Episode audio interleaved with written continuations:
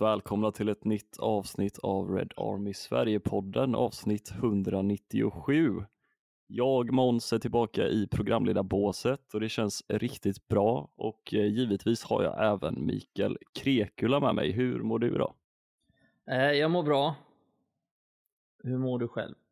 Jo, men tack för att du ställer frågan till mig också. Jag eh, har lämnat in en uppsats i skolan och eh, jag har varit borta nu från podden i, i två veckor. Det känns riktigt kul att eh, vara tillbaka även om eh, Uniteds prestationer nu under jul inte har varit så roliga att titta på så är det alltid lika kul att diskutera United ändå.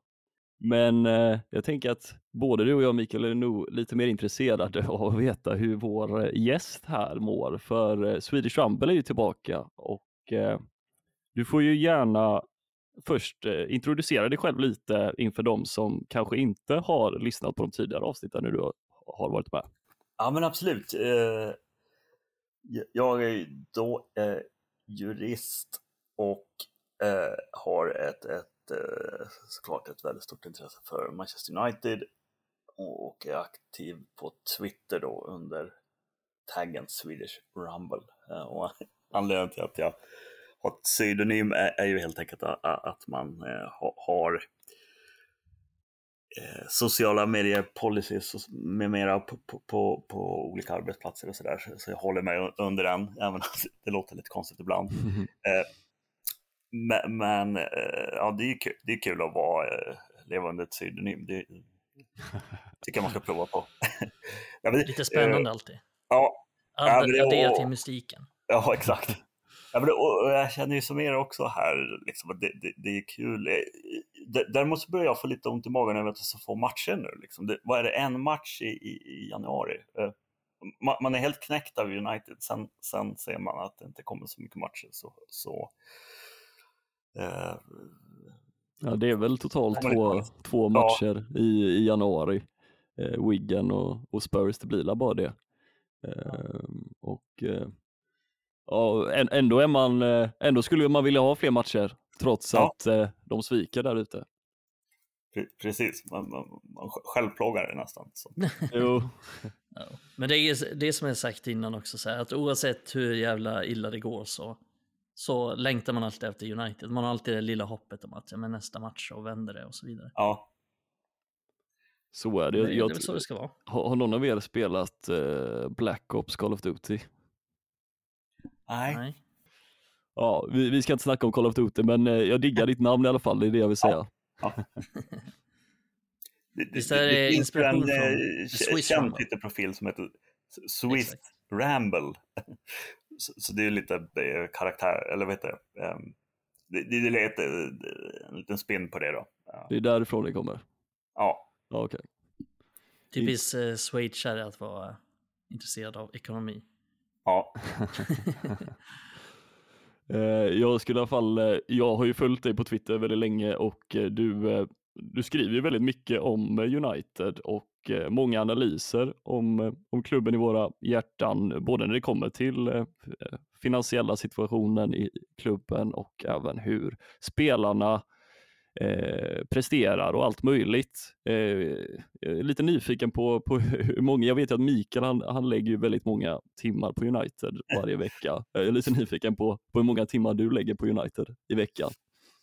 ja men det, det, det, är lite det kan jag ju säga liksom om min bakgrund också. Jag är ju född liksom tidigt 80-tal eh, och, och eh, det var ju så att man liksom följde United tidigt på, när det väl, ja, säg första halvan av 90-talet, liksom man började titta och sådär. Och, och, och då var det ju väldigt mycket fotboll. Sen hade jag liksom en, en dipp där i, i intresset. Och Det följde väl mycket med när liksom Glazers kom in här. Och Mm. Mot all, andra halvan, liksom, säg, där mellan eh, mot 2010 liksom och sådär. Då var det mer bara så här att det övergick till att man bara såg matcher. Eh, och, och så var det eh, under en ganska lång period. Eh, sen hade jag en nära anhörig som, som blev sjuk och eh, jag har liksom jobbade mycket, mycket mindre under, egentligen sedan 2022 till, till nu då. Okej. Och, och, och, då har jag tittat väldigt liksom, mycket eh, fotboll. Eh, Just det. Tillsammans med min son då, som Ja. var liksom 15 och var också väldigt fotbollsintresserad. Och, sådär. Eh, och, och då blev det ju liksom, du vet man sitter i så här sjukhusrum och sådär.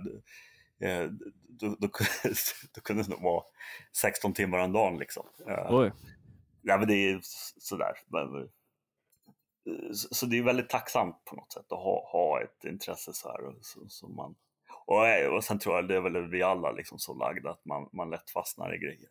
Liksom, Jo, ja, men så- så, så är det ju. Eh, Men, men då, då, då blir det, det blir en del timmar i veckan, helt Ja, enkelt. precis. Ja. Däremot kommer det nog bli mycket mindre nu lite framöver. Men, men, men ja, det, det är inte jättemycket mindre tror jag. Lite, lite mer normalt. På något sätt, eh, vad var, hur, hur, många, hur många timmar i veckan var det du uppskattade att du la på United, Mikael? Oj, ja. Många. Eh, jag vet faktiskt inte, men det är väl, eh, nu drar jag bara snabbt en siffra här, men det är ju eh, liksom mot, det är ju flera timmar per dag skulle jag ju säga, så att åtminstone två, i snitt liksom typ så här två, tre timmar i varje dag. Ja.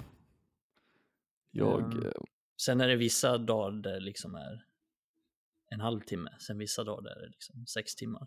Vissa lördagar och sånt så har jag ibland kunnat se liksom U18, U21, A-laget plus skriva om de matcherna och plus annat skrivande. Så det är ju, på helgerna blir det ganska mycket och så det blir en hel del timmar det, det blir mycket, mycket United. Jag kan eh, instämma att vissa dagar så blir det väldigt, väldigt många timmar och vissa dagar blir det inte lika mycket. Men eh, jag kan också, eh, som du sa där Swedish Rumble, så är det ju väldigt härligt att ibland eh, fokusera mycket på klubben och det ger ju en faktiskt mycket glädje att, eh, att spendera sina timmar på United. Det är ju därför vi, vi sitter här alla tre.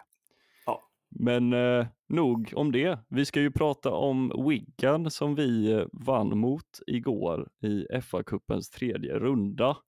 Eh, en match där United eh, dominerade spelet och hade många skott på mål som förväntat när man möter ett lag i tredje divisionen. Men nätet rasslade ju bara två gånger och eh, vi lyckades ju inte riktigt vara effektiva.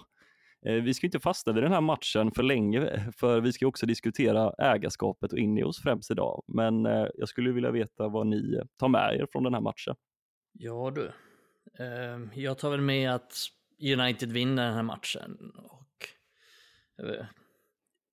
gör en okej match någonstans. Alltså, vi gör ingen dålig match, det går inte att säga det. Vi gör en ganska stabil match och vinner.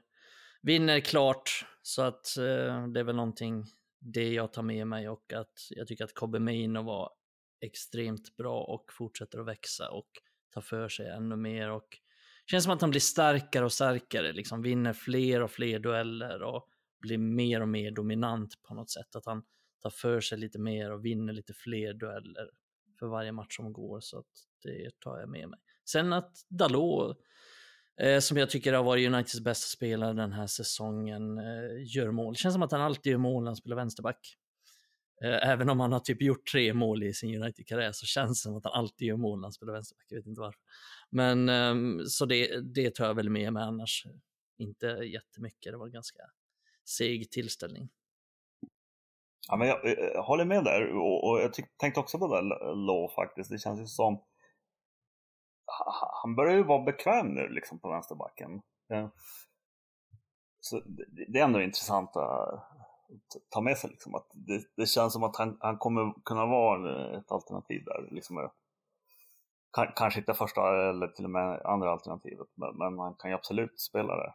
Det, det är ju viktigt. Precis, och alltså det är viktigt med den mångsidighet, att han är, han är bra som högerback och vänsterback och man får lite nytta, speciellt när vi har, alltså Malaysia, jag fattar fortfarande inte riktigt vad det är för skada, för han är ju, ja, det är helt sjukt, han är ju fortfarande inte, Han har varit borta otroligt länge nu. han nämns liksom inte ens längre. Nej. Eh, tycker det är konstig information där från United, men i alla fall han har ju varit skadad hela säsongen, plus att Luke Shaw är skadad väldigt mycket. Mm. Nu har han också lite oförklarligt borta igen. Med vad som skulle vara en lite mindre skada så har han varit borta igen. Men Eh, så då är det extra viktigt att Dalot dessutom, han är väl en, en av få som alltid är tillgängliga också i känslan. Så det blir extra ja. viktigt också. Ja, precis. Nej, men det är ju viktigt och särskilt när man har, om man spelar i Europa så där, har mycket matcher och, och, även om man har då två spelare på en position, varje position liksom, så ja, men går en, om du har två högerbackar eller två vänsterbackar och en går sönder, då, liksom, då är frågan, ska, ska den andra spela varenda match då? Liksom det, det, tre matcher i veckan nästan. Liksom sådär. Två månader i sträck. Då blir den spelaren också skadad. Liksom. Väldigt bra att, att, ha de här mångsidiga spelarna. Som, jo, som det är som du säger väldigt tacksamt att han eh, faktiskt kan eh, ta vänsterbacksplatsen och göra det så bra som han gör och frågan är väl om inte även om Malaysia, Malaysia hade varit tillgänglig om inte eh, Erik Ten Hag eh, hade sett eh, Dalot som sin andra bästa vänsterback i, i truppen. Ja. ja men det, och, och, sen håller jag absolut med Mikael, Maino är fantastiskt kul att se. Liksom, man, man, undrar ju om, om man överskattar man nästan han lite, men det känns ju som han har hur mycket potential som helst. Liksom. Jag undrar om det är det bästa ungdomsspelaren jag har sett liksom, nästan som, som jag, jag, kommer ihåg. Jag var nog aldrig riktigt lika imponerad av en ung Rashford eller Greenwood. Men hur många, för jag mm. tänker du har ju följt klubben sedan 90-talet sa du ju, har du, eh, kunde du följa liksom Beckham och så på den tiden också eller var du kanske inte lika ja, insatt? Alltså, jag var väl liksom så ung att de, det var liksom jag har absolut inte så att jag liksom följde dem från, visste vilka det var innan de kom in i laget och sådär. Eh, och så såg man mycket mindre matcher då. Det, mm. det var liksom den matchen som gick som man fick se. Så, så plötsligt liksom så var, var jag, en, en av dem var det Kanchelski som spelade liksom och sen började Becken komma in och sådär. Eh. Just det. Det var svårt att se ungdomslagen då va? Ja, nej men eh, precis, nej, men det gjorde man inte alls. Nej. Den kom äh, nej, men jag håller med om... TV tacksamt där någon gång. Ja, det var ju väldigt tidigt att man eh, så. Där var de ju absolut först, ett decennium för alla andra, men, men ändå så. Ja, precis. Nej, men jag håller med om Meino. Jag har inte riktigt tänkt på det så här om han är liksom den bästa, men det kanske han är för att Eh, de flesta som har varit riktigt bra, som har kommit fram i Uniteds ungdomsakademi, är ofta så offensiva spelare, alltså typ som är mm. lite mer flashiga, som Pogba, eller Greenwood eller Rashford, så här, som har de här, vad ska man säga, synliga tricksen. Ja. Det jag tycker Maino är bra, det är att han, han är lite mer i skymundan för att han läser spelet så pass bra eh, och har de här defensiva instinkterna. Det är bara att se hans positionsspel i defensiven jämfört med många andra ja, men nästan alla mittfältare egentligen i, i United.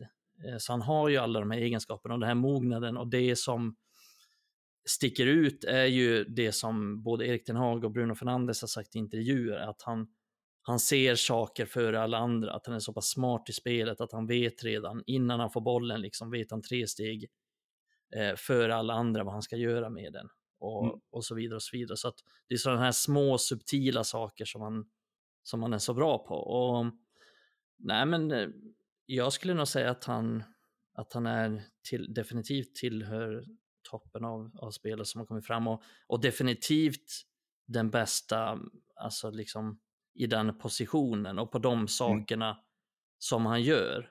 Eh, då är han ju definitivt den bästa sen, sen Scholes. För att Pogba var ju väldigt bra på eh, liksom slå de här flashiga avgörande passningarna och göra lite snygga tunnlar på mittplanen. Men han hade inte den här äh, defensiva arbetskapaciteten, den defensiva disciplinen eller det defensiva positionsspelet som Maino har. På så sätt är Maino mycket mer mångsidig. Mm. Det är det som är så himla intressant med hans spelarprofil, det är ju att han eh, förutom att vara en så stark eh, offensiv kraft i att eh, spela enkla bollar rätt och kunna slå längre bollar rätt och ha en sån fantastisk spelförståelse så är det ju som ni har varit inne på, hans defensiva positionsspel och att han faktiskt vinner liksom närkamper och eh, ja, att hans profil är så, han är, han är bra på så många saker helt enkelt.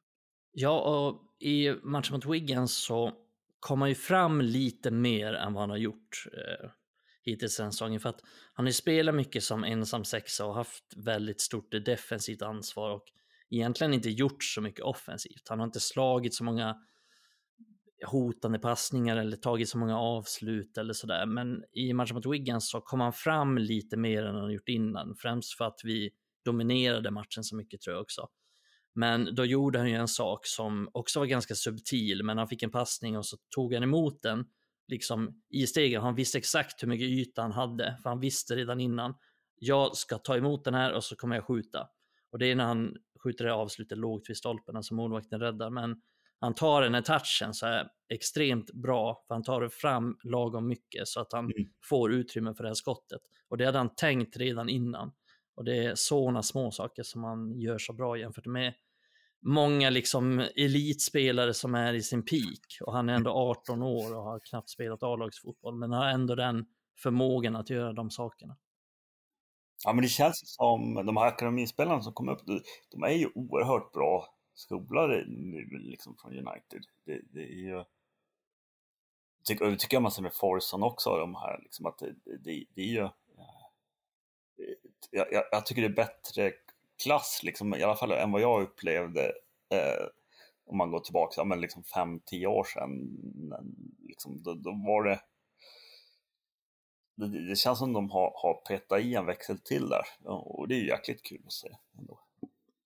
Ja, alltså de här spelarna som kommer fram nu, de är ganska mycket, om vi tar, säg att vi hade haft Fanchal som tränare, tänk mm. de som Fanchal släppte fram, typ så här, Tyler Blackett, Joe Riley, ja. eh, James Wilson och så vidare och så vidare. De var ju ändå ganska mediokra, eller det är spelare som har hyfsade karriärer liksom i The Championship och League One och sådär, men mm. de är ändå ganska mediokra. De som kommer upp nu är ganska mycket bättre än dem. Så att jag tänker bara om typ van Schaal hade haft laget nu så han haft mycket bättre ungdomar att skola in än vad han hade då. Eh, så att sånt gör ju mycket också för, för en tränares rykte. För eh, Ten Hag till exempel, han har tänker mycket gratis han nu med att han mm. får in Meino i truppen, att han får in Garnacho i truppen, att han kan fylla på med Kamvala, att han kan fylla på med Dan Gore, att han kan fylla på med många av de här ungdomsspelarna som håller ganska mycket högre klass än de ungdomsspelare som kommer fram tidigare. Så att han har mm. mycket mm. gratis där att, eh, att Meino är så bra, att Garnacho är så bra. För att just de två tycker jag, ja det kanske var de två bästa spelarna mot Wigan dessutom. Mm, det, eh, så det, han har ju mycket gratis där. De var ju bäst på plan igår och eh, det är ju verkligen ett eh, ljus i mörkret just nu eh, när man håller på United att, att se Mainos framfart och se Garnacho ta för sig. Han har ju tagit kliv i min mening bara senaste månaden mm. när han har visat att han även kan påverka matcher i positiv riktning från, från höger, att han mm. kan slå bra inlägg och vika in i banan och försöka kombinera mer än han är ju den itten. Anthony, ja, i jämförelse med Rashford så, så bidrar han ju mer med, eh, till sina lagkamraters spel. Det känns som att han gör det mer på högerkanten än på vänsterkanten. Liksom han, han, spelar på ett annat sätt än han är på högerkanten nu. För när han, är, när han spelar på vänsterkanten då gör han mycket det här, lite som Rashford också gör. Att han utmanar mycket och så viker han in och så går han på skott. Eh, men han försöker kombinera lite mer nu. Han kommer in i planen och vet att han måste kombinera sig fram lite. Men han kan också gå på utsidan och slå ganska bra inlägg. Det är han som slår det inlägget när Höjlund nickar i mm. ribban också. Jo. Han har, han har lite mer i sin verktygslåda när han spelar på högerkanten, vilket överraskar mig lite. Ja, men det verkar så. Eh, så jag tycker han har överraskat positivt där. Jag trodde inte att han skulle göra så pass bra ifrån sig på den kanten. Sen har det väl varit tacksamt motstånd när han väl har spelat där.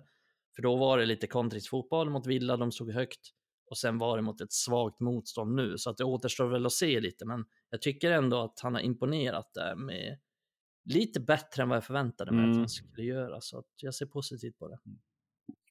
Ja, men det tycker jag är jäkligt kul att se att, att, att, att annars så driver han ändå liksom och, och, och jag, jag, tror ju så här liksom att, han, han, upplever ju säkert liksom att Rash, Rashford är får han till det så kommer han starta liksom till, till vänster. Eh, och det är inte så mycket matcher eh, nu framöver liksom och, och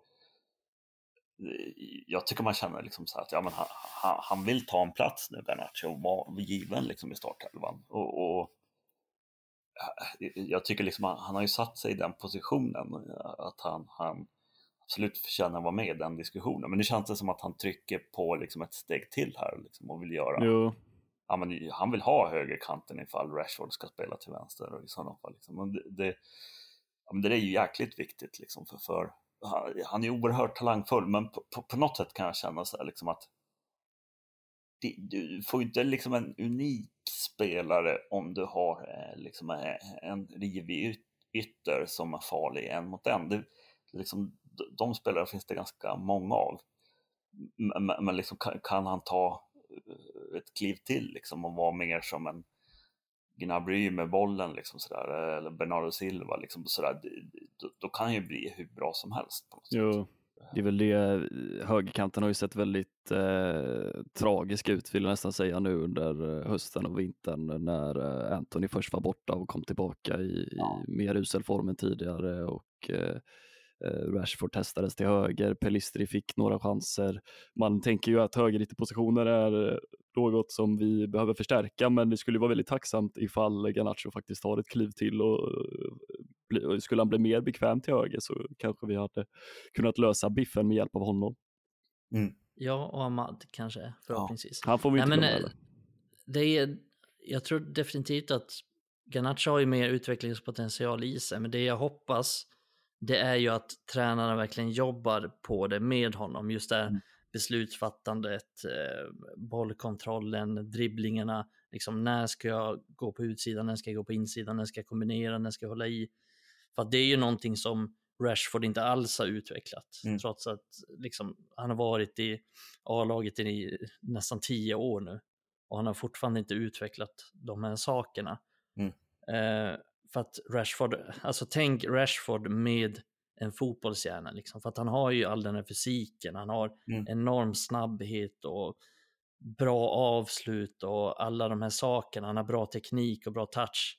Men han kan ju inte ta rätt beslut fortfarande. Det är helt ofattbart liksom. Det är bara att kolla på den här matchen. Mm. Han fattar inte när han ska passa och när han ska skjuta, när han ska göra det. Och att det liksom inte har jobbats mer på det, det, Ja, det är en enorm, ett enormt underbetyg till Mourinho och Ole Gunnar tycker jag. Liksom sådär, och, och de... Ja, men det, mm. det, det gör, jag tycker samma sak med McTominay. Liksom och sådär. Det, det, och, vissa spelare det har, alla är bra på olika saker. Liksom, om man ser en Raheem Sterling, han kommer ju liksom att fatta väldigt dåliga beslut ibland. och, och, och men han är bra på andra saker. Liksom. Men jag tycker det är precis som du, liksom, det är onödigt att Rashford och McTominay liksom är så pass långt bak i vissa delar. Liksom. Det, det, det, det, är inget gott betyg mot dem som har liksom haft dem tidigare. Nej, precis, för att man kan ju ändå acceptera att ja, men, okay, han kommer aldrig bli bäst i världen på det. Han kommer aldrig få Bernardo Silvas spelförståelse. Mm. Men han måste ju, de måste jobba upp den för att göra honom funktionell på något sätt. Liksom att han mm. klarar av de bitarna. Men som det är just nu så, så alltså han klarar inte ens av att, att göra de här enkla sakerna. Det är ett enormt underbetyg det till, till United. börjar kännas som att det är lite för sent för att ta tag i det och förbättra det också med tanke på att det uh, kommer upp i åldern. Men uh, jag tänker att vi, vi ska städa av Wigan-matchen snart. Jag skulle bara vilja, vi, vi var ju inne på det lite kort innan vi satte på inspelningsknappen här, så hade vi ju pratat om eh, Höjlunds insats igår. Han hade ju en del chanser och Åslund och Holmgren, de var ju eh, de roastade honom lite där. Vad, vad tänkte ni om hans insats igår? Borde han ha gjort flera mål eller var det bara otur?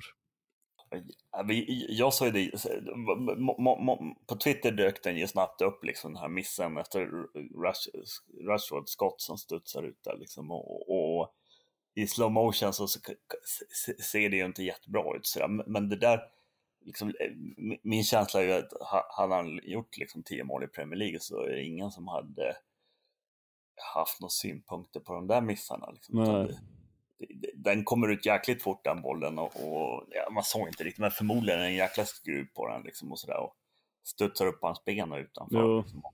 Sen är det stenhårt inlägg från Garnacho som man sätter i, i ribban istället för under ribban. Det, jag tycker han gör det bra liksom. Sen har han ju överlag, han är, är jobbig att möta och sådär. Sen har han liksom ett, det är ju liksom allt från första touchen till, till liksom hur han ska löpa och sådär. Allt kan ju bli bättre. Liksom. Jo. Men jag tycker, jag, jag, jag är inte liksom besviken över Höjlunds insats den här säsongen utan tycker han känns som kommer vara en stor tillgång framöver.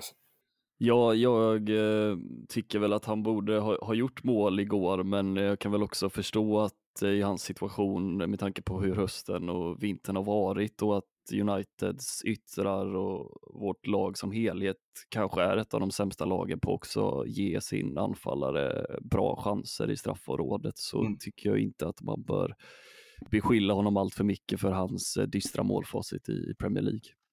Nej, men jag, jag är inte heller så... Det är inte mitt problem med Höjlund, liksom att han har att han är dålig på att göra mål. För att av det lilla jag har sett eh, i de här matcherna han spelar så tycker jag inte han verkar vara så dålig på att göra mål. Jag tycker mest han har, han har ganska otur och precis som Rumble säger att han bollen kommer, den här returen kommer väldigt snabbt mot honom. Han, han hinner inte riktigt styra den. Det är många sådana situationer. Han nickar i ribban och han har ganska otur i de här avslutande lägen. Han kanske kommer en, en halv sekund för sent eller en halv sekund för tidigt. Lite så här timingsgrejer och lära känna sina lagkamrater. Sen är han ju nyttig i att han, han jobbar ju väldigt hårt alltid. Han är jobbig att möta på det sättet att han är ganska stor, han är ganska snabb, han är rivig och han springer på allt. Och det är jobbigt som försvarare att möta sådana. Det jag tycker att han behöver förbättra och som jag är lite jag ska inte säga orolig, men som jag reagerat på de senaste matcherna är väl att han är lite svag i bollmottagningen. Jag tycker hans touch har blivit lite tyngre. Det kommer lite studsar ifrån honom, man får lite dåliga touchar, någon dålig passning här och där. I just det, det här länkspelet, kombinationsspelet, så tycker jag att han har lite att förbättra. Och där hoppas jag verkligen att det inte blir en sån här Rashford situation Liksom att man inte jobbar på de här delarna med honom. Utan få till, se till att han får de här äh, grunderna, att han gör de här sakerna. Han kanske aldrig blir, han kommer nog aldrig bli den bästa länkspelen eller den bästa bollmottagaren. Utan han har redan sina styrkor, men man behöver se till att han blir funktionell i de här delarna så att han, så att han kan bidra hela tiden i bollmottagningen, att han kan spela den vidare på ett enkelt sätt. Och jag tror väl att han kommer jobba på de delarna och jag tror att det kommer bli bättre, men det är väl någonting som jag reagerar på nu snarare än att han är en sån himla dålig avslutare eller att han aldrig gör mål. För att det är jag ganska säker på det kommer komma och jag tycker mest han har haft otur i det. Ja, eh, det är väl inte lätt att eh, vara i hans ålder heller och eh, komma till det United som vi har idag som är dysfunktionellt på, på så många andra plan och inte har med honom att göra direkt. Det blir också lättare för honom att vässa på de här delarna i hans spel som kan bli bättre ifall övriga laget också Eh, presterar bättre. Men eh, vi ska ju faktiskt eh, prata om ägarskapet eh, främst idag, så jag tänker att vi, vi lämnar Wiggen bakom oss eh, och eh, ja, på julafton så blev det ju klart eh, det som många United-fans ser som en julklapp att eh, Sir Jim Ratcliffe och eh, Ineos förvärvar 25 procent av klubben och eh, kommer få inflytande över delen av sportsliga beslut. Eh, köpet är ju inte helt klart ännu. Det kommer återstå några veckor innan Premier League ratificerar eh, köpet. Men eh, jag tänkte fråga er, hur, hur, känner ni kring denna investeringen och vad tror ni den kommer innebära för United? Ja, men det, det, det är ju, på, på, något sätt så är det ju liksom, jag är ändå nöjd och det, är lite förlösande att det kom, händer någonting liksom. För det, man, man, börjar bli lite orolig där när, när eh, tiden gick liksom och sådär och, och det, det, måste ju hända någonting och, och det här är ju någonting. Eh, sen så vet vi ju kanske inte vad det här blir ännu, men, men det, det, kommer ju bli bättre, det är jag helt övertygad om. Äh, än vad det var under Glazers. Äh, sen är frågan om hur, hur mycket bättre. Ja, det är också, det är också säker på. Eh, för att det kommer bli en förändring och jag tror faktiskt att en förändring i det här fallet per definition är, är till det bättre. Jag tror helt enkelt att det går inte att göra det så mycket sämre än vad, än vad Glazers gjorde, än det var liksom under Glazers ägarskap. Så jag är positivt inställd för att jag är säker på att det blir förändringar och jag är säker på att det kommer bli bättre. Sen hur bra det kommer bli, det återstår ju att se och det är ju lite oklart såklart, men det kommer bli bättre. Ja, det, det känns ju onekligen positivt med tanke på att det just är den sportsliga delen som eh, de kommer att få ansvar för och eh, även om klubben har misskötts på, på fler håll än bara den sportsliga delen så är det ju ändå den som man som supporter ser som orsaken till eh, varför United underpresterar så mycket som de gör ute på planen efter alla kassa värvningar och eh, beslut. Eh, men rent konkret nu, vilka positioner högre upp tror ni att Ineos kommer att tillsätta Eh, och vad tycker ni bör prioriteras först? Vår, vår lyssnare Fredrik Johansson undrade över detta. Mm. Man, man, kan ju börja liksom i absoluta toppen och då är det ju det som har skett egentligen, det, det är ju dels då att man, man eh, Ratcliffe personligen, inte Ineos som det först snackades om, utan Ratcliffe personligen eh, kommer överens, har kommit överens med, med uh, alla sex syskon Glazer uh, att förvärva eh, uh, 25 procent av deras röststarka aktier och i samband med det då så, så, kommer ett förslag om att man ska ändra bolagsordningen för, för Manchester United med resultatet att, att eh, han ska få äga de här aktierna. För tidigare har det varit så att, att det bara kunnat vara person, medlemmar i Glazer-familjen som får äga de eh, aktierna som är röststarka. Och sen då så ska han eh, teckna aktier i en nyemission som eh, först ska vara värd först för 200 miljoner eh, dollar och sen 100 miljoner dollar till. Då. Eh, och eh, i, i, i, samband med det här då, så har man liksom ingått olika avtal, ett liksom röstningsavtal. Dels i grund och botten har man det här transaktionsavtalet, men sen har man också ett, ett röstningsavtal man har åtagit sig att genomföra det här med mera. Eh, och så har man något som kallas liksom ett governance agreement. Eh, det är väl liksom ett klassiskt aktieägaravtal som man ofta pratar om i, i Sverige. Då. Men, men, i det då så kommer man överens om ett par saker, ganska liksom grundläggande. Men dels så säger man ju då att Ineos ska få, eller Ratcliffe då, ska få utse två styrelseledamöter i Manchester United och två stycken i, i alltså i det noterade bolaget och sen två till i dotterbolagen då, som, som är själva fotbollsklubben. Då. Eh, och det, det, innebär ju inte så jättemycket eftersom det, där kommer fortfarande Glazers ha majoritet. Men, men sen så, och det, hittills är liksom det inget konstigt, men sen kommer det någonting som blir väldigt ovanligt och det är att man delegerar liksom, eh, det övergripande ansvaret för fotbollsverksamheten till, till Ineos. Alltså in, inte Ratcliffe heller, utan, som äger aktierna, utan hans företag eh, som, som, är det här gigantiska företaget som gör allt från bilar till, till eh, väldigt mycket plast och, och utvinner olja och skeppar olja med mera. Liksom sådär.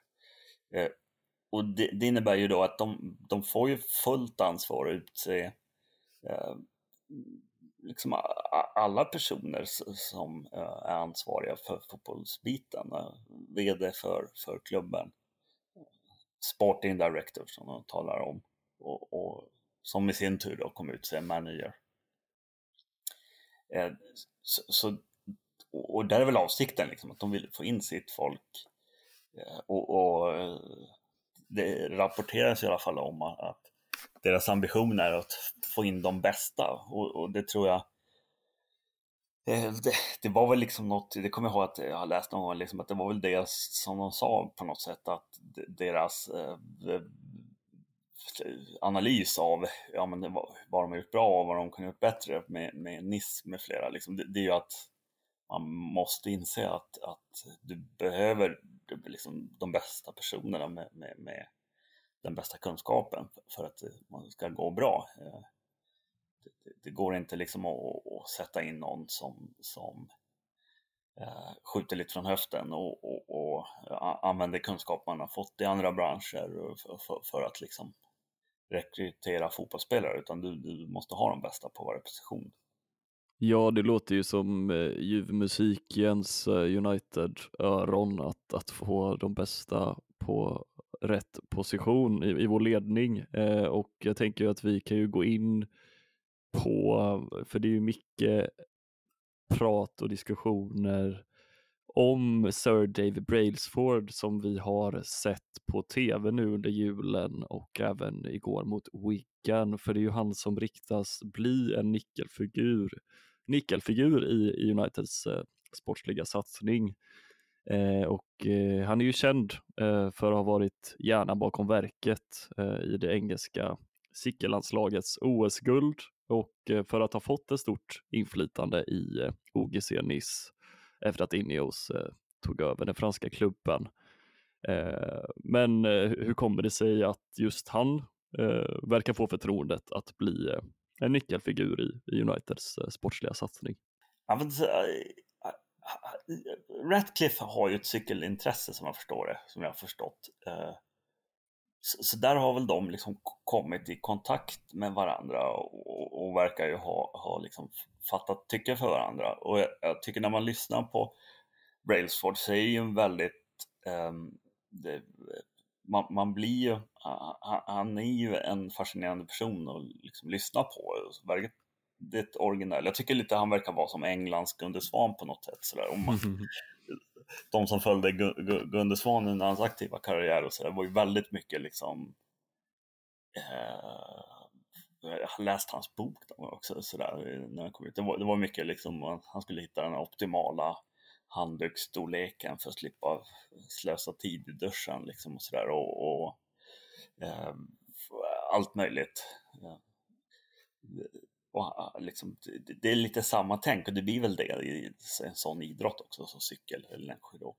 Liksom att det, det, det, gäller att, att, påverka det man kan sådär. Eh, men det är en filosof lika mycket som eh, en ledare liksom, som har väldigt originella och, och, och spännande idéer och det där verkar Ratcliffe ha, ha fattat eh, tycke för.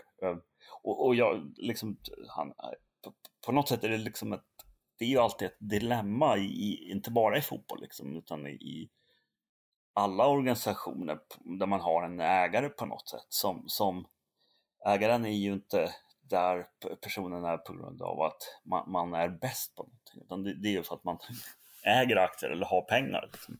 Eh, sen ska man översätta det där till, till liksom att få det, det laget som spelar bäst fotboll på fotbollsbanan. Och på något sätt liksom så, så, innebär ju det att man har en, någon som inte är expert och inte kan avgöra hur en klubb ska ledas, som måste lyssna på andra och förstå vad, vad är egentligen bästa sättet för, för att leda en fotbollsklubb på.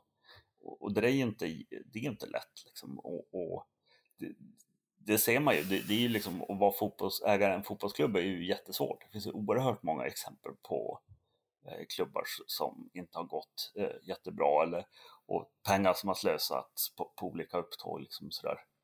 Eh, så, så, just i den liksom det glappet som finns där me mellan ägaren som är Ratcliffe och, och de som ska sköta fotbollsklubben, då, då tror jag han liksom kan vara en jättebra person. Mm. Sen finns det ju fallgropar såklart. Men så, så är det ju, liksom, det finns ju inga garantier att kommer lyssna på rätt person liksom, och förstå, fatta rätt beslut alltid. Men, men jag tror förutsättningarna är väldigt goda för, för att det ska bli bra. Ja, eh, är det en uppfattning du också delar Mikael? Jo, men det som jag tycker är positivt med Brailsford, med, med alla andra också egentligen som ryktas komma in i klubben och som ska hjälpa klubben framåt, det är att de har den här sportsliga ambitionen och de har den här erfarenheten också av Eh, visst, Brailsford har mycket erfarenhet av cykling, men han har erfarenhet av sport, att liksom maximera organisationen och maximera prestationerna. Eh, och han har även erfarenhet av fotbollen då i Nice och så. Och många av de andra också som ryktas komma in har ju eh, typ som Blanc som ryktas komma in som vd har ju mycket erfarenhet av att leda olika fotbollsklubbar och även stora klubbar då som man har varit aktiv i som Juventus och eh, Eh, PSG och sådär. Så att de har ju den här fotbollserfarenheten och Radcliffe, alltså hans trend i Nice är ju precis som Rumble säger att de har analyserat mycket, för allting har inte gått spikrakt där. De ligger ju två i ligan nu och gör bra ifrån sig.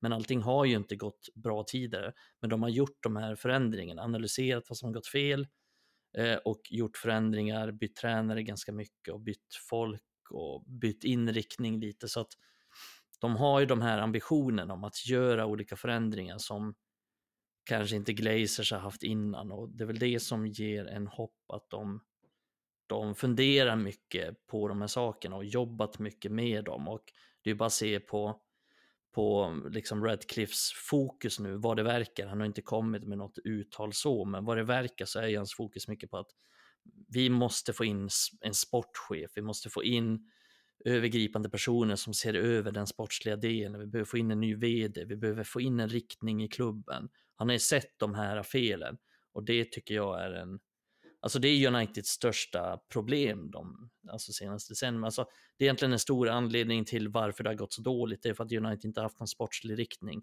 Och de här har den här ambitionen om att förändra det. Och det är väl det som jag tycker är spännande och som, eh, som jag tror att de kommer ordna. Sen hur bra de kommer göra det, det vet vi inte riktigt. Men vi vet att de kommer göra det.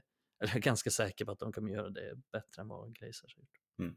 Ja, men exakt, och, och det, det, är också det som man har sett att Glazers har varit rädda för på något sätt. Och det, det är ju att de, de, de, de har ju det yttersta ansvaret och har ju haft det yttersta ansvaret för fotbollsklubben och, och det är ju man kan tycka så här liksom att de har, har varit nästan paranoid rädda och lämna ifrån sig ansvaret för det där. Och det har ju inte skötts bra men, men ger man liksom eh, Mourinho med flera och liksom sådana här fria tyglar, men då står du plötsligt där med två veckor kvar av säsongen innan säsongen startar och har, ha tömt budgeten på, på, diverse spelare, men du har kanske ingen målvakt eller forward eller mittfältare och sådär du behöver ytterligare investeringar och, och, och det springer ju lätt iväg. Det har man ju sett massor av gånger liksom, hur fotbollsklubbar eh, investerar på tok för mycket liksom, och hamnar i finansiella problem och sådär. Och, och det, det, är ju därför de har gett nycklarna till klubben egentligen till personer som de har litat 100% på. Eh, eh, liksom att, att de ska eh, hålla i pengarna och göra, inte låta saker och ting springa iväg. Men det har ju också gjort att man varit väldigt, man inte haft någon flexibilitet de har ju liksom inte haft kunskapen avgöra hur fotbollsklubben ska leda och ledas liksom och, man har med jämna mellanrum slängt en massa pengar på stora namn men inte gjort så mycket annat och, det, det är ju inte tillräckligt helt enkelt. Eh, så där tror jag ju att det finns alla förutsättningar att, att eller det, där kan man ju utgå från att det, det kommer bli mycket bättre. Vi kommer få se United liksom försöka driva på utvecklingen istället för att bara hopplöst falla eh, längre och längre bakom typ Chelseas projekt och Citys projekt och sådär. Liksom det, det, det, mm. Och det måste ju till tycker jag. Ja, men det som jag tycker är, alltså med Glazers, de har ju gett, eh, precis som du säger, de har ju gett förtroende till sådana som de litar på. De kan ju ingenting om fotboll. Jag, mm. jag börjar kolla den här serien nu, Welcome to Wrexham tror jag den heter, med mm med Ryan Reynolds eh, som äger Wrexham då. Eh, och då får man ju se ganska mycket så här bakom kulissen och de kan ju ingenting om fotboll, typ så här Ryan Reynolds, han kan ju ingenting. Så att han, han frågar ju dem som han litar på mm. vad de ska göra. Ja, men tycker ni det är värt att vi lägger till en miljon? Liksom, kommer vi vinna ligan då? Mm. Det är de frågorna som Glazers också ställer. Mm. Och det är de, problemet är ju bara att de har ställt de frågorna till liksom, till Ed Woodward och, och, mm. och eh, Richard Arnold liksom, som inte heller kan någonting, som inte heller har den riktiga erfarenheten av att driva fotbollsverksamheter. Så det är väl liksom det största problemet med det. Det är inte att Glazer inte kan fotboll, utan att de har förlitat sig på sådana som inte heller kan, kan, mm. kan så mycket om fotboll. För att det tror jag du skrev det i någon tweet också där med, med typ så här, med Blanc som har eh, bakgrund från finansvärlden och det har ju de flesta mm. eh, som jobbar som vd i olika stora klubbar. De, det, tror jag, det tycker jag många misstar sig, jag tycker att en vd liksom ska ha varit en fotbollsspelare, utan det behöver snarare vara så att en vd kanske har erfarenhet av att driva en stor klubb och framförallt ha, ha folk under sig som vet hur man mm. eh, driver en fotbollsklubb och som är fotbollskunniga. Men vdn i sig behöver inte nödvändigtvis vara så himla kunnig inom det, bara att man har rätt folk runt omkring sig. Det är väl det som Glazer i stort har gjort fel, att de inte haft folk runt omkring sig som kan någonting. Eh, och de kan inte heller någonting. Men det är väl det som eh, Ratcliffe har gjort bra i NIS, då, att han, han har folk han litar på, men de han litar på kan också styra fotbollsklubbar, kan också eh, Eh, maximera verksamheten och det är ju någonting sånt United behöver komma till och det har ju Ratcliffe insett. Det är ju det som är lite intressant faktiskt med just eh, Sir David Brailsford. Jag läste en artikel i, i The Athletic idag som handlar lite om han, hur han har uttryckt sig kring eh, fotboll och då beskrev han det som att när han tittar på en fotbollsmatch så, så ser han matchen i, i svartvitt medan andra som är mer fotbollskunniga ser matchen i färg. Medan när han tittar på cykling då ser han det i färg medan andra ser det i svartvitt. Så det är ju det är lite intressant att han just, Sir Dave Brailsford, han verkar ju inte vara väldigt fotbollskunnig själv, men han verkar ju ha lyckats väldigt bra i Nice med att tillsätta rätt människor på rätt eh, plats eh, för att påverka klubbens framtid till bättre. Ja, precis. Och, och sen blir det ju intressant där att se hur, hur parallellt liksom med, med utvecklingen, eh, och, och det, det, är väl liksom fallet också i alla sporter tror jag, det blir mer och mer teknik och liksom vetenskap på något sätt. Och, och eh, det, där har man ju, jag är liksom lite skeptisk, både skeptisk men, men också en, vissa blir väldigt frälsta liksom av de här eh, all form av liksom dataanalys och AI med mera, liksom så att det ska lösa alla problem. Jag tror liksom inte jag tror liksom så här, Peps fotbollshjärna och, och uh, den han har över sig, vad heter han, Tixi, Tiggy, jag lär mig aldrig det namnet riktigt. Något sånt där i alla fall. Ja, eh, det är liksom, de, de, de, klarar sig nog väldigt långt utan liksom, att ta hjälp av AI och sådär. Men det, det, är ju samtidigt så det, det är ju ett verktyg som kommer få större och större betydelse liksom. Och det blir väldigt svart och vitt liksom, om, om man kan mäta på rätt saker och ser om, om saker och ting blir bättre. Liksom. Och, och eh, där tror jag också det hjälper liksom för, och, nästan på toppen, att ha någon som inte har en, liksom, en klar fotbollsfilosofi utan mm. ställer frågor och då liksom då, då, när de svaren då backas upp av, av data och liksom man kan visa det, det är det här som funkar idag liksom, och det här, det här gör inte det och så där, då eh, kommer det nog hjälpa till ganska mycket också. Och det kommer de säkert att fokusera mycket på, liksom, att bygga ut den, den ja. delen.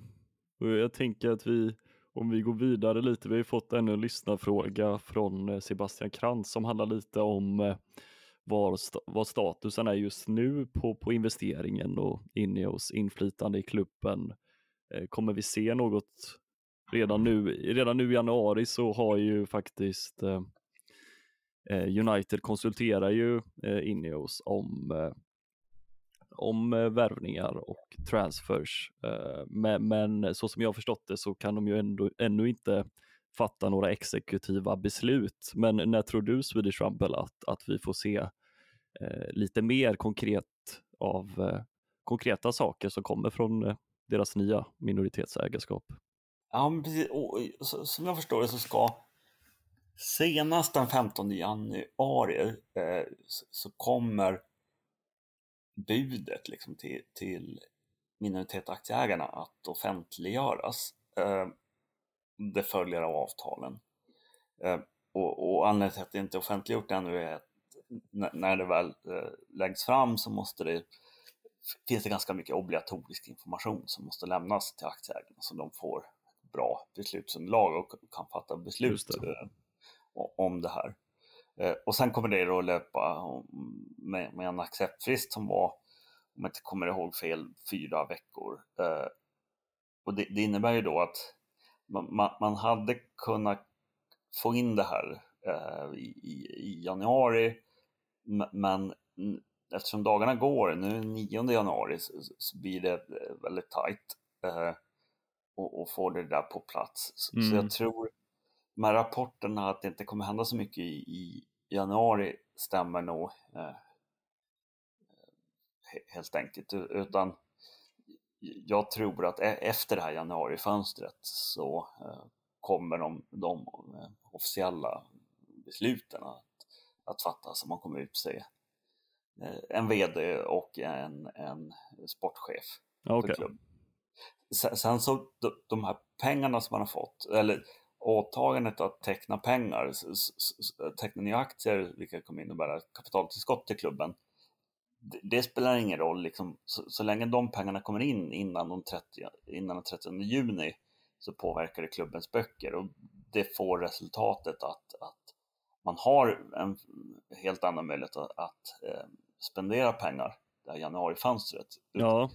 Så det man hör ibland liksom när de säger så här att det, det, det finns, man måste sälja för att kunna köpa spelare och sådär, även nu i januari. Det, det stämmer inte riktigt utan där får man ett ordentligt utrymme som man kunnat utnyttja nu eh, eller till sommaren. Liksom. Okay. Men då verkar det som att man har fattat eh, beslutet att man vill, vill utvärdera allting eh, och, och, och, låta den här säsongen ha, ha den, ta, ta, ta den, eh, få det resultat som, som den ger utan att om man tycker inte man kan påverka det utan att man kommer vänta till sommaren innan man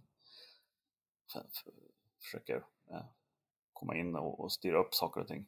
Ja, men... Ja, eh, ja, precis. Alltså, det är väl det som är lite grejen så här med att eh, med budgeterna. För att ibland så har United liksom överskridit budgeten någon sommaren och då har de inte kunnat spendera lika mycket nästa sommar som jag har mm. förstått det. Och samma i januari, liksom att de har tagit så mycket från den budgeten att de har behövt ligga lågt eh, lite senare. Så att det är väl precis, det är väl det du är inne på där, att mm.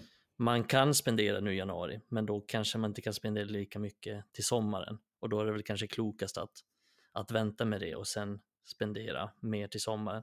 Men det är väl så jag tänker också att de gör och jag tänker väl att det är vettigast också för att jag ser inte riktigt någon poäng med att, att United gör massa stora affärer nu. Dels har vi inte Dels vill jag inte att den här ledningen som sitter nu liksom ska hålla på och värva massa spelare även om Ineos eh, godkänner eller inte godkänner så vill jag inte att liksom eh, att Mörtog Ten Hag och alla andra ska sitta i massa möten om att ja, men nu ska vi värva den eller den spelaren. Utan det tycker jag ska skötas till den nya ledningen.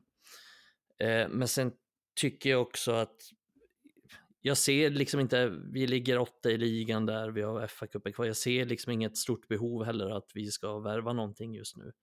Det är väl i så fall att vi värvar någon liksom, eller lånar in någon backup striker, men jag, jag, ser ingen panik heller att göra det, för vi har inte så många.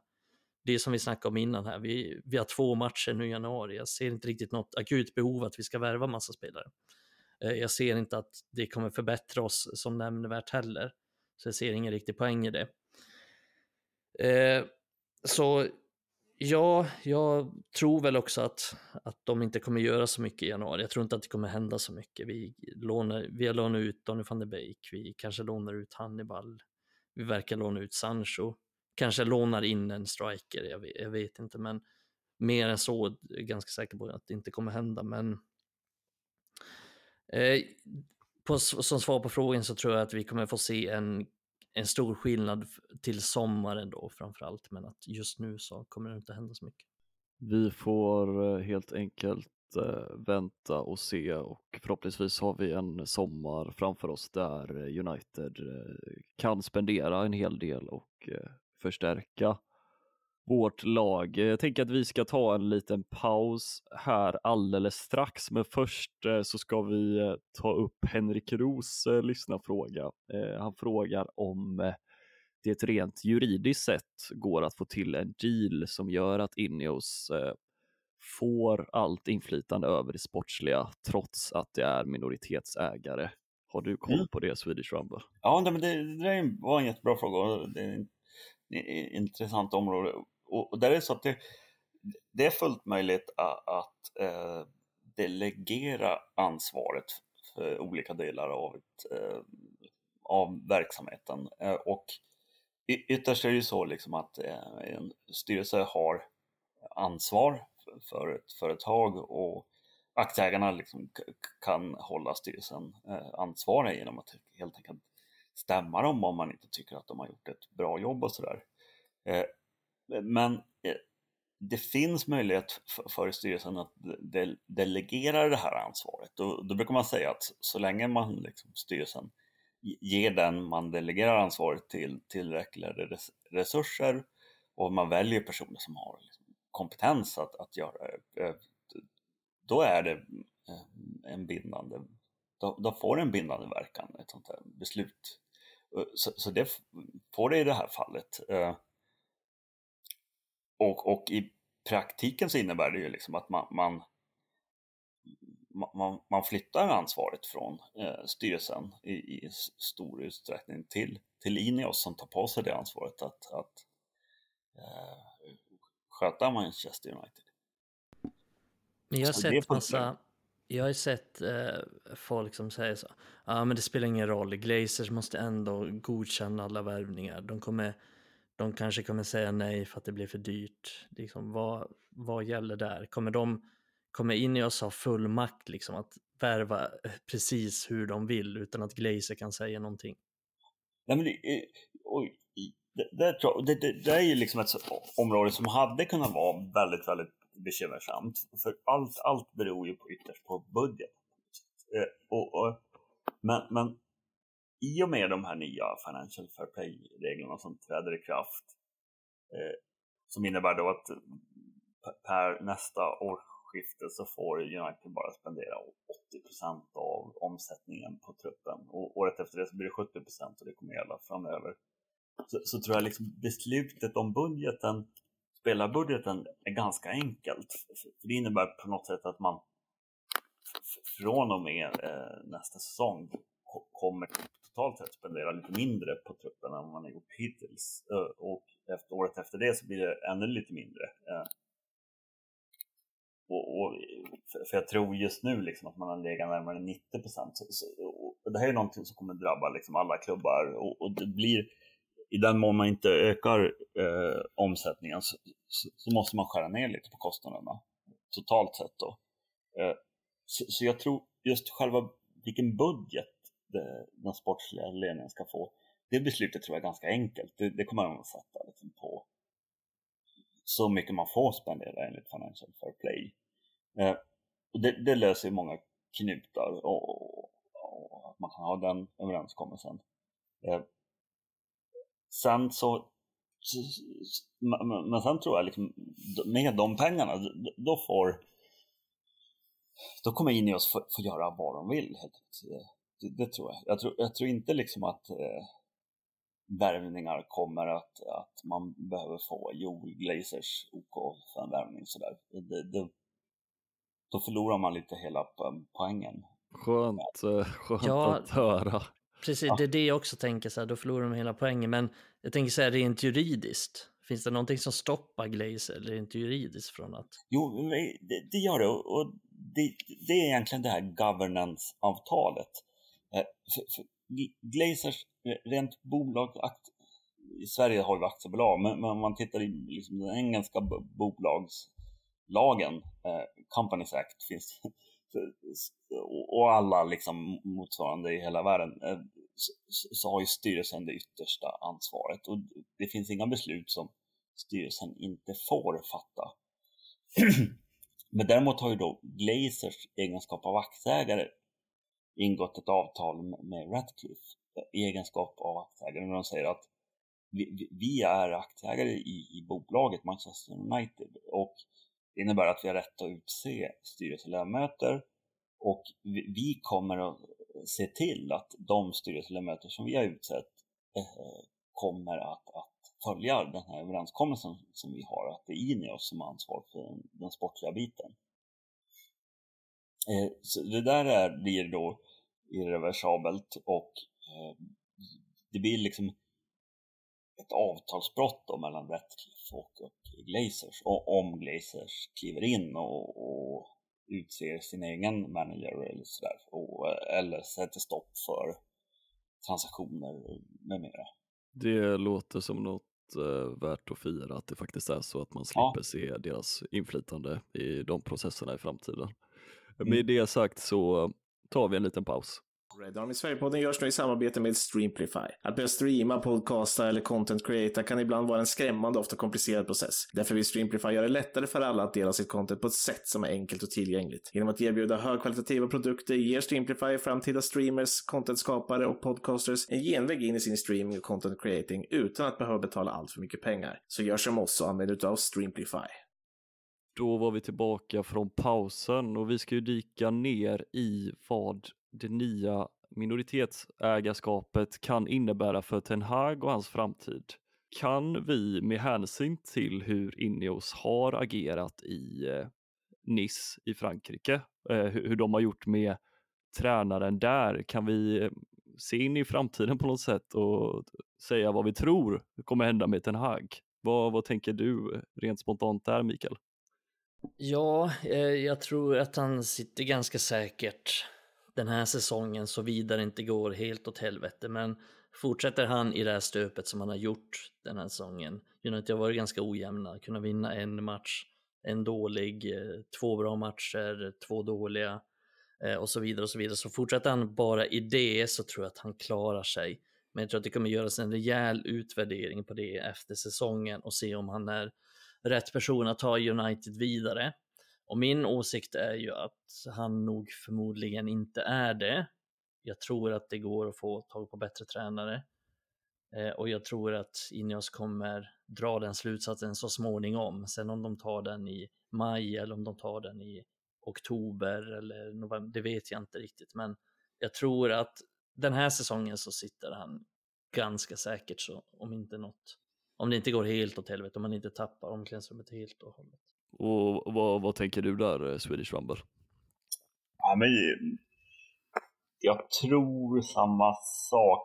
Det, det, det är lite svårt att avgöra. De, de, har gjort väldigt vågade val kan man tycka. För, för, för Niss när man har anställt eh, en manager där och liksom sport, sport, en general manager kan man kalla det nästan. Eh, med de här yngre italienarna eh, som de har viss anknytning till Serbien. Va? Men jag tror managern är väl bara 34 år och, och eh, deras sportsliga ledning eh, ovanför han då eh, är, är, inte mycket äldre. Eh, men de har gjort ett jättebra jobb och verkar liksom spännande och drivande. Och det känns ju som att de uppenbart har valt personer som har väldigt mycket energi eh, och drivande istället för kanske alla större etablerade namn på något sätt som annars är lätt att välja. Eh, liksom, det, det, det finns ju väldigt många eh, managers som eh, är 50-60 år och har varit med urminnes tider och sådär. Eh, men de har man ju uppenbart inte valt. Man, de tog den här eh, Gisolfi, eller vad han heter, som är, är eh, den sporting director. Och mm. Han är under 40 och tränaren där är liksom 34. Det verkar också som att de var i kontakt med Potter där innan de ja. beslutade sig för honom. Han är ju också ung. Ja, precis.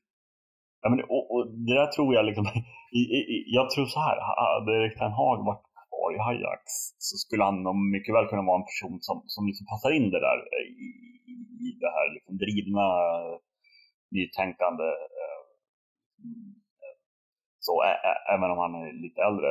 Eh, men, men sen kommer det ske en utvärdering och den tycker jag, det, det är väldigt svårt att liksom jag, jag, tycker det är väldigt svårt att utvärdera United och Ten Hags prestation eftersom truppen har sett ut som den har gjort. Liksom. Jag kommer ihåg att jag tänkte förra året liksom att, att det, det, vi var väldigt beroende av Martinez eh, förmåga att liksom, hålla i bollen och, och, och, spela upp den under press.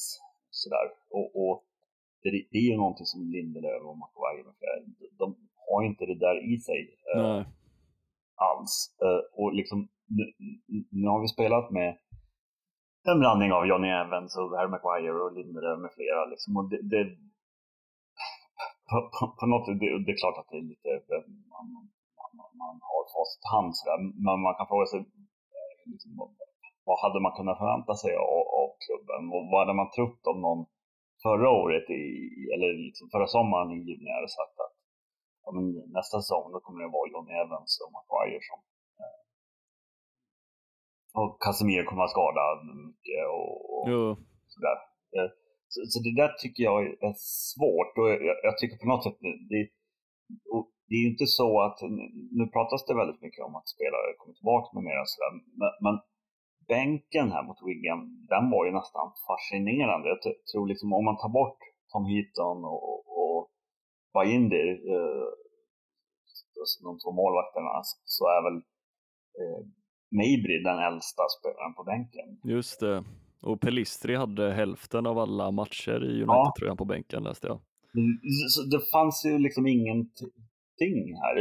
Startvärmen var ju ändå liksom helt okej okay, sådär. Även om det var Evans och, och Dalot på vänsterbacken. Så det var ju inte liksom det sämsta man sett. Det var ju en stark startelva. Eh, men, men man har ju fortfarande en jäkla massa skador. Sådär. Eh, jo, och det, det är faktiskt eh, det jag tänker nu är väl att eh, de kommer att utvärdera, precis som eh, Mikael var inne på, att de kommer väl utvärdera hur Ten Hag sköter sig nu under våren och snart är ju faktiskt skadeproblematiken den stora som vi har haft. Det är ju snart ett, ett tillhör ju snart det förflutna och då blir det ju intressant att se vad Erik Ten Hag lyckas få till nu under våren med eh, färre matcher där vi bara har FA-cupen förutom Premier League och eh, får tillbaka ett ordinarie lag och inte behöver rotera backlinjen varje match och rotera laget eh, hela tiden på grund av skadorna. Så att eh, mycket, mycket av den här glaskulan att se in i framtiden, eh, det är helt enkelt att vi får se hur laget presterar i vår och eh, baserat på, på det så kommer de väl ta ett beslut när eh, det närmar sig sommaren sen, kan man väl förvänta sig. Ja, eh, det man också får komma ihåg är att vi ligger bra till i FA-cupen nu, lätt motstånd i nästa runda. Eh, och många av de bästa lagen slår ut varandra där. Eh, Liverpool slog ut Arsenal och sen kommer en av City och Spurs att ryka bland annat. Och, eh, möter inte Chelsea Aston Villa också? Ja, Säger jag med ett lite skeptiskt ansikte, jag vet inte, men många av de bästa lagen i alla fall slår ut varandra och United har hittills en väldigt lätt väg framåt så att mm. det är inte orimligt att tänka att vi kan vinna FA-cupen till exempel också. Och gör vi det och kanske klättrar lite i tabellen, då kommer nog många se så här rent resultatmässigt som säsongen kanske inte helt, helt misslyckande. Eh, konstigt nog att säga, men med tanke på alla skador och sådär, men men jag är ändå, alltså, det är väl det som jag gör mig mest skeptisk till Erik Ten Hag. Man kan alltid ta så här att vi har många skador och så här och många av resultaten, framförallt förra säsongen som Ten Hag sa också, så gjorde vi ganska bra resultat eh, och vinner vi en titel nu så måste man ju ändå säga att han har presterat ändå hyfsat jämfört med tidigare tränare, alltså rent resultatmässigt så. så att just det är väl inte mitt stora problem. Det är väl att jag är ganska besviken på själva spelet och just det taktiska och sådana saker. Och mm. Det hoppas jag blir bättre när vi får tillbaka fler spelare, men jag är långt ifrån säker på det. Men det återstår att se och det är väl den utvärderingen också Ineos får göra. eh, när alla väl är tillbaka, för då går det ju också lättare, precis som du säger Rumble, då är det ju mycket lättare att bedöma Erik Den när alla är tillbaka, mycket mer rättvist att göra det också. Jo. Ja ja men det, och det, men samt, samtidigt så är det ju det som är så svårt också på något sätt. Sådär. Alltså för, man, man kan liksom, Erik Ten Hag är en bra manager när han liksom ska implementera sitt, sitt spel, eller åtminstone det är det som han har haft resultat med. Han har ju inte liksom varit eh, försökt få ett lag att spela som Sean Dyche vill att ett fotbollslag ska spela och sådär. Så det, det, det, är ju på något sätt, liksom, måste man ju, jag tycker inte liksom att man kan ha för högt ställda förväntningar på att en manager ska kunna anpassa spelet som man säger och sådär. Och, och, eh, det är liksom det är lite tuffare sådär kanske eh, än, än det låter enkelt men, men mycket svårare i praktiken sådär. Men, men, jag håller absolut med om att vi ser ju inte bra ut och det varit väldigt dåligt spel tycker jag liksom här. Riktigt dåligt om man, om man tittar på de här matcherna mot Sheffield United och, och hemma mot Köpenhamn och, och Ja, påminn mig inte om det.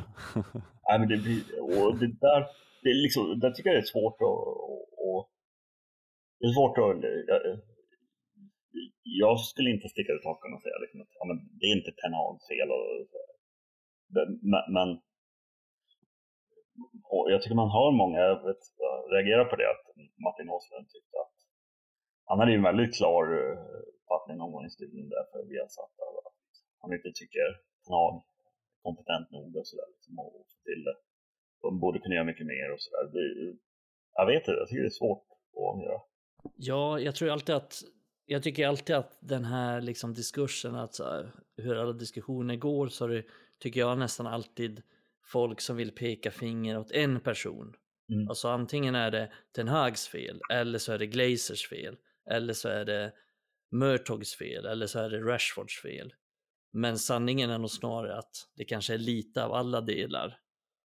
Eh, och det tycker jag är konstigt att alla är så säkra på att det är bara just det eller det mm. som är felet. Utan jag tycker snarare så att Erik Ten Hag har många problem med att vi har dåliga ägare, att vi har värvat fel i över ett decennium och att truppen är obalanserad och felbalanserad och ojämn och saknar vissa profiler. Och det är ju svårt för Eitan att göra någonting åt. Men samtidigt tycker jag också att han ska göra det bättre med de han har. Så att jag tycker att den diskussionen snarare är fel, att det är ju inte bara Erik den Hags fel eller Glazers fel eller Murtogs fel, utan det är snarare lite av varje där. Men sen kan det ju vara så att Eh, och så är det ju troligen också att när han väl får alla spelare tillbaka så kommer han ju prestera bättre för att det är ju helt givet och det säger ju alla tränare också att äh, man kan inte, man kan liksom inte trolla med knäna, alltså man behöver de här kvalitetsspelarna, man behöver de bästa spelarna. Det finns ingen tränare som kommer prestera som bäst utan sina bästa spelare. Du bara ser på ja, men City till exempel, när de har mm. saknat mm. Haaland och Kevin De Bruyne så har de gått lite sämre. Och det, det är samma sak där, de behöver sina bästa spelare och det behöver United också för att jo. United har haft sina, många av sina bästa spelare skadade. Så att det, det, det är komplext, det är aldrig så enkelt som alla säger att det är, men jag tycker ändå att Ten Hag borde ha gjort det bättre, men det finns ju vissa omständigheter som, som gör också att han inte har gjort det så bra som det, han Det är ju de omständigheterna som skyddar honom just nu från att inte bli riktigt kritiskt ansatt eh, från, från alla håll och kanter. Det, det är ju mm. skadorna. Eh, och på tal om dem, vi ska ju avrunda här alldeles strax eh, och på tal om skadeläge. Eh, vi har ju Tottenham på söndag och Erik Ten Hag meddelade igår efter Wigan-matchen att eh, Christian Eriksen kommer tillbaka, möjligtvis Luke Shaw, kanske Harry Maguire. Mason Mount verkar behöva några dagar eller till och med en vecka till, samtidigt som rapporter gör gällande att eh, Lisandro Martinez och Casemiro är på gång, men inte riktigt i full träning med laget ännu. Om vi pratar om eh, Tottenham-matchen eh, lite kort, vad, vad förväntar ni er att se på, på söndag? Vad vill ni se eller vad, vad tror ni att ni kommer se? Om du vill börja Mikael. Mm. Jag tycker alltid det är svårt att bedöma på förhand vad, vilket United vi kommer få se. Men jag misstänker att nu börjar vi få tillbaka lite spelare. Vi, det är lite längre mellan matcherna med lite mer tid, ganska mycket tid att förbereda oss inför den här. Och Spurs har fortfarande en del skador och har inte, jag har sett Spurs ganska mycket på sista tiden. De har haft marginalerna med sig. De var ganska mycket, de var sämre mot Bournemouth men lyckades vinna ändå. Eh, de var sämre mot Everton och lyckades vinna ändå. Det var ju bara någon centimeter från att Everton kvitterade där också.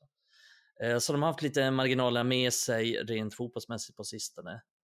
Eh, och jag tror att nu när United börjar få många spelare tillbaka och ha lite mer energi så förväntar jag mig ändå att se lite som vi såg mot Spurs förra säsongen. Att United pressar dem högt, pressar fast dem, gör en bra match, har mycket energi. Alltså lite som vi gjorde mot Chelsea den här säsongen. Eh, lite det förväntar jag mig, så jag hoppas på att få se det, speciellt eftersom jag är på plats och ser den på Old Trafford också. Så vill jag gärna se den energin och att United kommer ut med den attityden. Eh, men sen är det svårt att säga om hur matchen kommer gå och sådär, men det blir nog en ganska jämn match till slut. Men jag hoppas och tror att United drar det längsta strået och, och visar den attityden.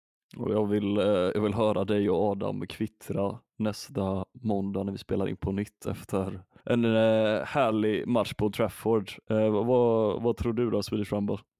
Ja, men det, jag håller helt med där och jag tänker också på Chelsea-matchen och, och, om det är någonting Tottenham har gjort konsekvent i den här säsongen är ju att spela liksom ett högt försvar och det, det har ju passat oss bäst, de motståndarna liksom som, som ligger på sådär. Eh, och, och, så jag tror ju att vi bör ha alla förutsättningar för, för att få eh, liksom, göra en bra match och få ett bra resultat. Men å andra sidan så vet man ju att och, och liksom, Tottenham är ju inte ofarliga och smäller de in 1-0 efter 15-20 minuter liksom, eh, så, så, så, kommer ju huvuden att hänga och det kommer vara jäkligt segt liksom och sådär. Och, och, eh, så det, det, liksom, det är en helt öppen historia mm, om man, man var tvungen att sätta pengar på det, tror det... jag. Men jag tror att förutsättningarna finns i alla fall, liksom att, att ja. det ska kunna gå eh, bra. Ja, det är det som du säger, som ni, ja, som du är inne på, att det är svårt att förutse och eh, hade, jag tycker väl att det är en av matcherna där eh, vi har haft som mest otur på hela säsongen var när ja. vi eh, mötte dem på bortaplan, eh, när Garnacho inte fick sin straff där i första halvlek och vi verkligen kunde utnyttja deras eh, mm. höga försvar. Brynäs läge där liksom. Och så, ja, men det jo. är oerhört tungt resultat.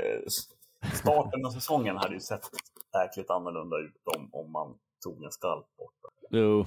Mm. Precis, jag håller med. Jag tycker att United var ändå ganska bra i den mm. matchen. Så det var lite, det var lite surt.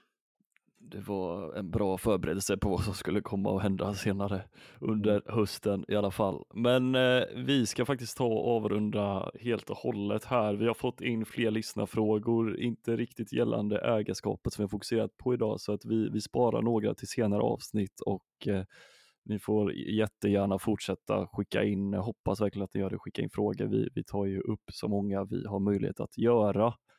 Eh, och så tänkte jag eh, tacka dig Swedish Rumble för att du har varit med idag eh, och eh, vill uppmana er följare till att eh, följa honom på Twitter. Det kommer ni inte ångra. Swedish Rumble heter han där och levererar klockrena United-analyser nästan till varje dag. hur har du upplevt det? Att, hur har du upplevt att vara med här idag igen? Ja, men det var jättekul alltid älskar att snacka United. Det känns som vi har kunnat hålla på i, i dubbelt så länge. Ja. Verkligen. Det kan du tur för tittarna att vi har lite disciplin. Men, men vi, vi, vi jag ser fram emot nästa gång. ja. Det, det får bli snart igen. Ser fram emot att ha dig här igen. Och du, du då Mikael, hur, hur känner du? Ja, men alltid trevligt att snacka United. Sen tycker jag att det ger väldigt mycket när man får lära sig av en sån som Rumble inom det här ägarskapet som man själv inte riktigt har koll på alla de här finansiella detaljerna och sånt som, som du har. Så det är väldigt lärorikt. Jag fick luta mig tillbaka här och lyssna lite mer än vanligt. Ja. Så det är, det är skönt att göra det ibland också så att inte jag tar över allt som jag brukar kunna göra ibland.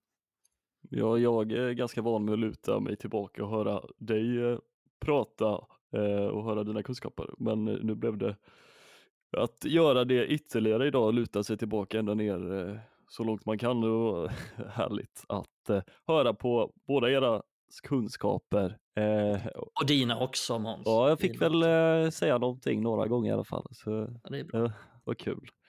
Och Eh, jag vill faktiskt påminna er lyssnare om att eh, lyssna på våra specialavsnitt som ligger ute.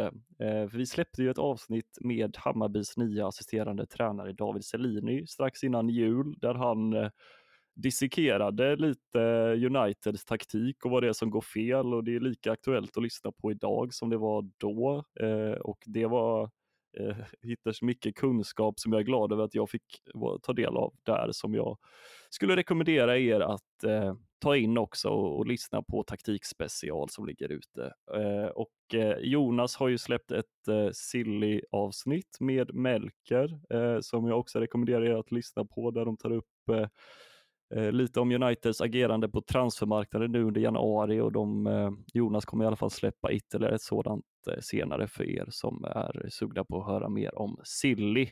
Och Eh, till sist, glöm inte heller att följa oss på sociala medier, Red Army Sverige, Instagram, Facebook, Twitter, slash X och även vårt eh, konto på Twitter, vi som har podden eh, Raspodden. Jättekul att interagera med där och ja, fortsätt att skriva till oss där.